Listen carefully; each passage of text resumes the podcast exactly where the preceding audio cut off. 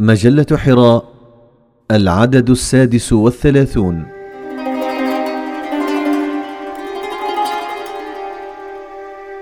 من الفوضى إلى النظام بقلم الأستاذ فتح الله جلن.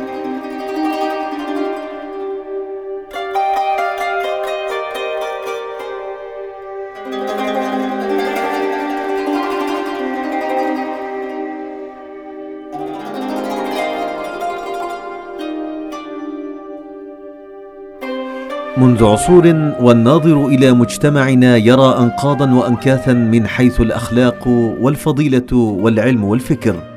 فما زال المجتمع يبحث عن نظام وفكر بديل في التربية والفن والأخلاق. والصحيح هو أننا بحاجة إلى إرادات فولاذية وأدمغة أصيلة تحتضن الوجود بأعماقه جميعا والإنسان برحابه الدنيوية والأخروية وتفسرهما بل وتتدخل في الأشياء بعنوان خلافة الله في الأرض. نزعت حركات التغير والتحول الأخيرة في العالم القناع عن كثير من الوجوه وأظهرتها على حقيقتها. كذلك أزاحت الغشاوة عن عيوننا إلى حد ما فتوضحت حقيقة كنه الأشخاص والأشياء شيئا فشيئا فاستطعنا أن نرى ما حصل بصورة أوضح ونستنبط من الحوادث نتائج أسلم وأمتن.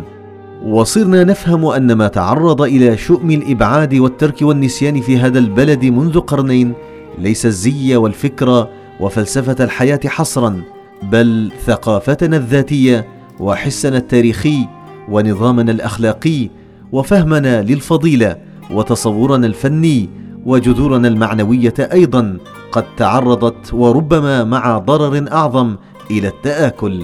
فاهتزت أواصرنا الروحية وجفت منابع فضيلتنا وتعمقت الهوة بين حاضرنا وماضينا. نعم شهد عالمنا المبارك أطوارا عجيبة. فيها سكت المثقفون وسكت أفواه الفكر وظاهر أصحاب القوة والقدرة الضلالة والانفلات عن الأصول وتعارفت الأجيال مع الأحاسيس الهامدة والآيسة والمظلمة في همهمات الحيرة وكأنها جنائز وكم عين تنفست دموعا بلا حول ولا حيلة في زمن أحمر يحاصره اليأس أدخنة سوداء من كل جهة وصرخت مشاعر القلوب بأحاديث نفس في وجه أناس لا يعرفون ما الخجل وقالت في أنينها ما الرجاء من حيارى فتحوا أشرعتهم لريح الإلحاد ومن بله يصفقون لكل واحد ولكل شيء ومن منكوب الوجدان المعتادين على طأطأة رؤوسهم أمام القوة ومن شرف وعزة ملوثة لكن ما اهتز تزعزع ومن هدم خرب وما ذهب انقطع ولم يحل محله شيء جديد. نعم قد أزيل ما تحطم ولم يقم مقامه شيء فانقلب المجتمع رأسا على عقب باعتبار قيمه ذلك بشهادة القلق وضياع الأمان المحسوس في عصرنا الحاضر خاصة في أغوار قلوبنا جميعا حتى العقلانيين الواقعيين الذين لا هم لهم إلا تحقيق مآربهم اليومية. أرجوكم أن تتفكروا بما ننجو من الفقر الأخلاقي والمعضلات المتشابكة يوما بعد يوم حتى جعلت الحياة حملا ثقيلا وحيرة لا تطاق. وكيف نتخلص من نوبات أمراضنا الفردية والعائلية والاجتماعية؟ وكيف نسير إلى المستقبل في ثقة واطمئنان؟ هل نستورد افكارا حالمة وخيالية من هنا وهنالك؟ أم بعقلية العصر التي نحاول أن نبني عليها كل شيء؟ كلا كلا لن يحمل هذا الحمل الأثقل من جبل قاف منطق كهذا المنطق وأفكار مجهولة النسب كهذه.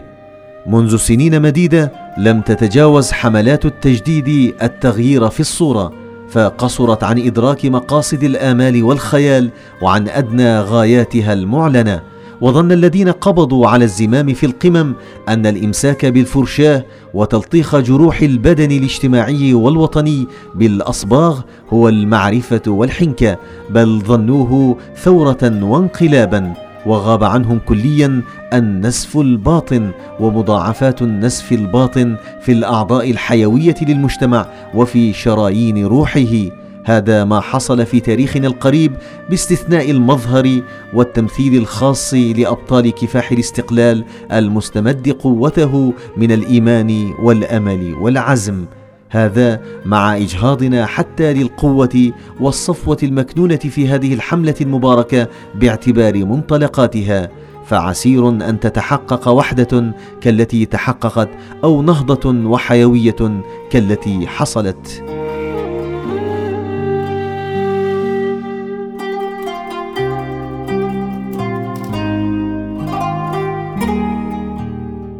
فالحاصل أن مجاميع الناس التي انفصلت عن بعضها وتوسعت الهوة بينها في السنين الأخيرة إن لم تقع في فقر مدقع في حياتها الفكرية وروحها وجوهرها فقد وقعت في الاغتراب عن بعضها والاحتراب فيما بينها كالذئاب. فالبياض عند بعضهم سواد عند غيرهم وما يدعو إليه بعضهم يخالفه غيرهم. والبديل المقترح من بعضهم داعية هزيمة عند غيرهم وصلابة بعضهم تعصب عند غيرهم. ومع هذه السلبيات تخيل مدى هذا الاحتراب أو قل عراك العميان ولا قسطاس يرتضيه الجميع لمعرفة أيهم أدنى إلى الحق وأقرب. ولذلك نحن اليوم في أمس الحاجة إلى طريق يوصلنا إلى الحقيقة والفضيلة. ومنهج تفكير لا يخدعنا وموازين لا تضلنا. والواقع أن الوجدان والقيم الأخلاقية مصادر نور تكفي لحل كثير من المعضلات لكن في أيامنا هذه الوجدان جريح والقيم الأخلاقية شتات فهذان المحركان قد اجتزا من الجذور وجففت ينابيعهما. لا ترتقي الأخلاق بالعرفان ولا الوجدان حسن الفضيلة من خشية الله في الإنسان. فهب أن الخوف من الله في القلوب قد غاب وانحسر فلن تجد إذا للعرفان والوجدان ذرة من أثر. وزد على ذلك هشاشة الإرادة وضمور المحاكمة العقلية ووحشية الأحاسيس البشرية وتعطشها للدم كالتنين لتعلم هول الكابوس الذي نعيشه. فمن الضرورة إذن أن نبدأ العمل بإعادة النظر في عناصر محاكمتنا الأساسية وتمييز الخط الفكري المنطقي وإيفاء الإرادة حقها وإعداد جيل عزوم بل أجيال. فلنقر اولا بمراعاة الأسباب لأننا نعيش في عالم محاط بها. نحن نعيش في عالم الأسباب. فإهمالها محض جبرية وضلالة بالحاصل. وليست مراعاة الأسباب وحدها بل العناية بالمناسبة بين السبب والنتيجة أي قاعدة تناسب العلية من أهم لوازم التكليف. فإن لم نعين أسس الأفكار المضرة والتيارات المفسدة بمشاعر مسؤولية جادة لنقاومها منذ اليوم فسوف نرى في المستقبل أبعادا مختلفة للبؤس الأخلاقي والنكبة الاجتماعية والانحرافات الأخرى. وليس الحنيك من ينتبه إلى النكبة والبؤس بعدما تظهر النتائج عيانا بل من يجزم بما سيقع وبأي سبب وسياق من قبل الوقوع. ومن العسير الادعاء بأننا أبدينا فراسة كهذه في تاريخنا القريب. أما أن نزعم بأننا أوفينا الإرادة حقها فكلا بل إنساننا في هذه المدة المدلهمة ظلمة يشك حتى في إرادته الذاتية وفكره وعزمه بل ما يفتأ يبحث عن إرادات سامية ومدهشة لتدير شؤونه والأدهى والأمر توهين الشخصية وأسر العزائم في أصحاب المشاعر النقية والوجدان الطاهر بإيحاءات من قبل المفكر فلان والعالم علان والدولة الفلانية. ثم بمرور الزمان صرنا نحكم فلانا وعلانا في تفكيرنا وسلوكنا فأصابونا بأنواع من دوار الرأس وازورار التفكير وانحراف الملاحظة وانزلاق الشخصية. فأصيبت الأرواح المستسلمة تمام الاستسلام خاصة بأعطاب رهيبة من المحال إصلاحها وكان الأصل ألا نؤمن أو نرضى بإرادة ما حققنا فيها ولا محصناها ما عدا الإرادة الإلهية.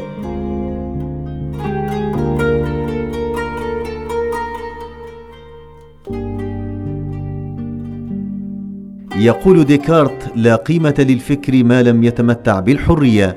أما كان ينبغي أن نفكر على الأقل مثل ديكارت لتخليص أرواحنا من نظم التفكير السكولاستيكيه البالية والمتعفنة في معظم جوانبها.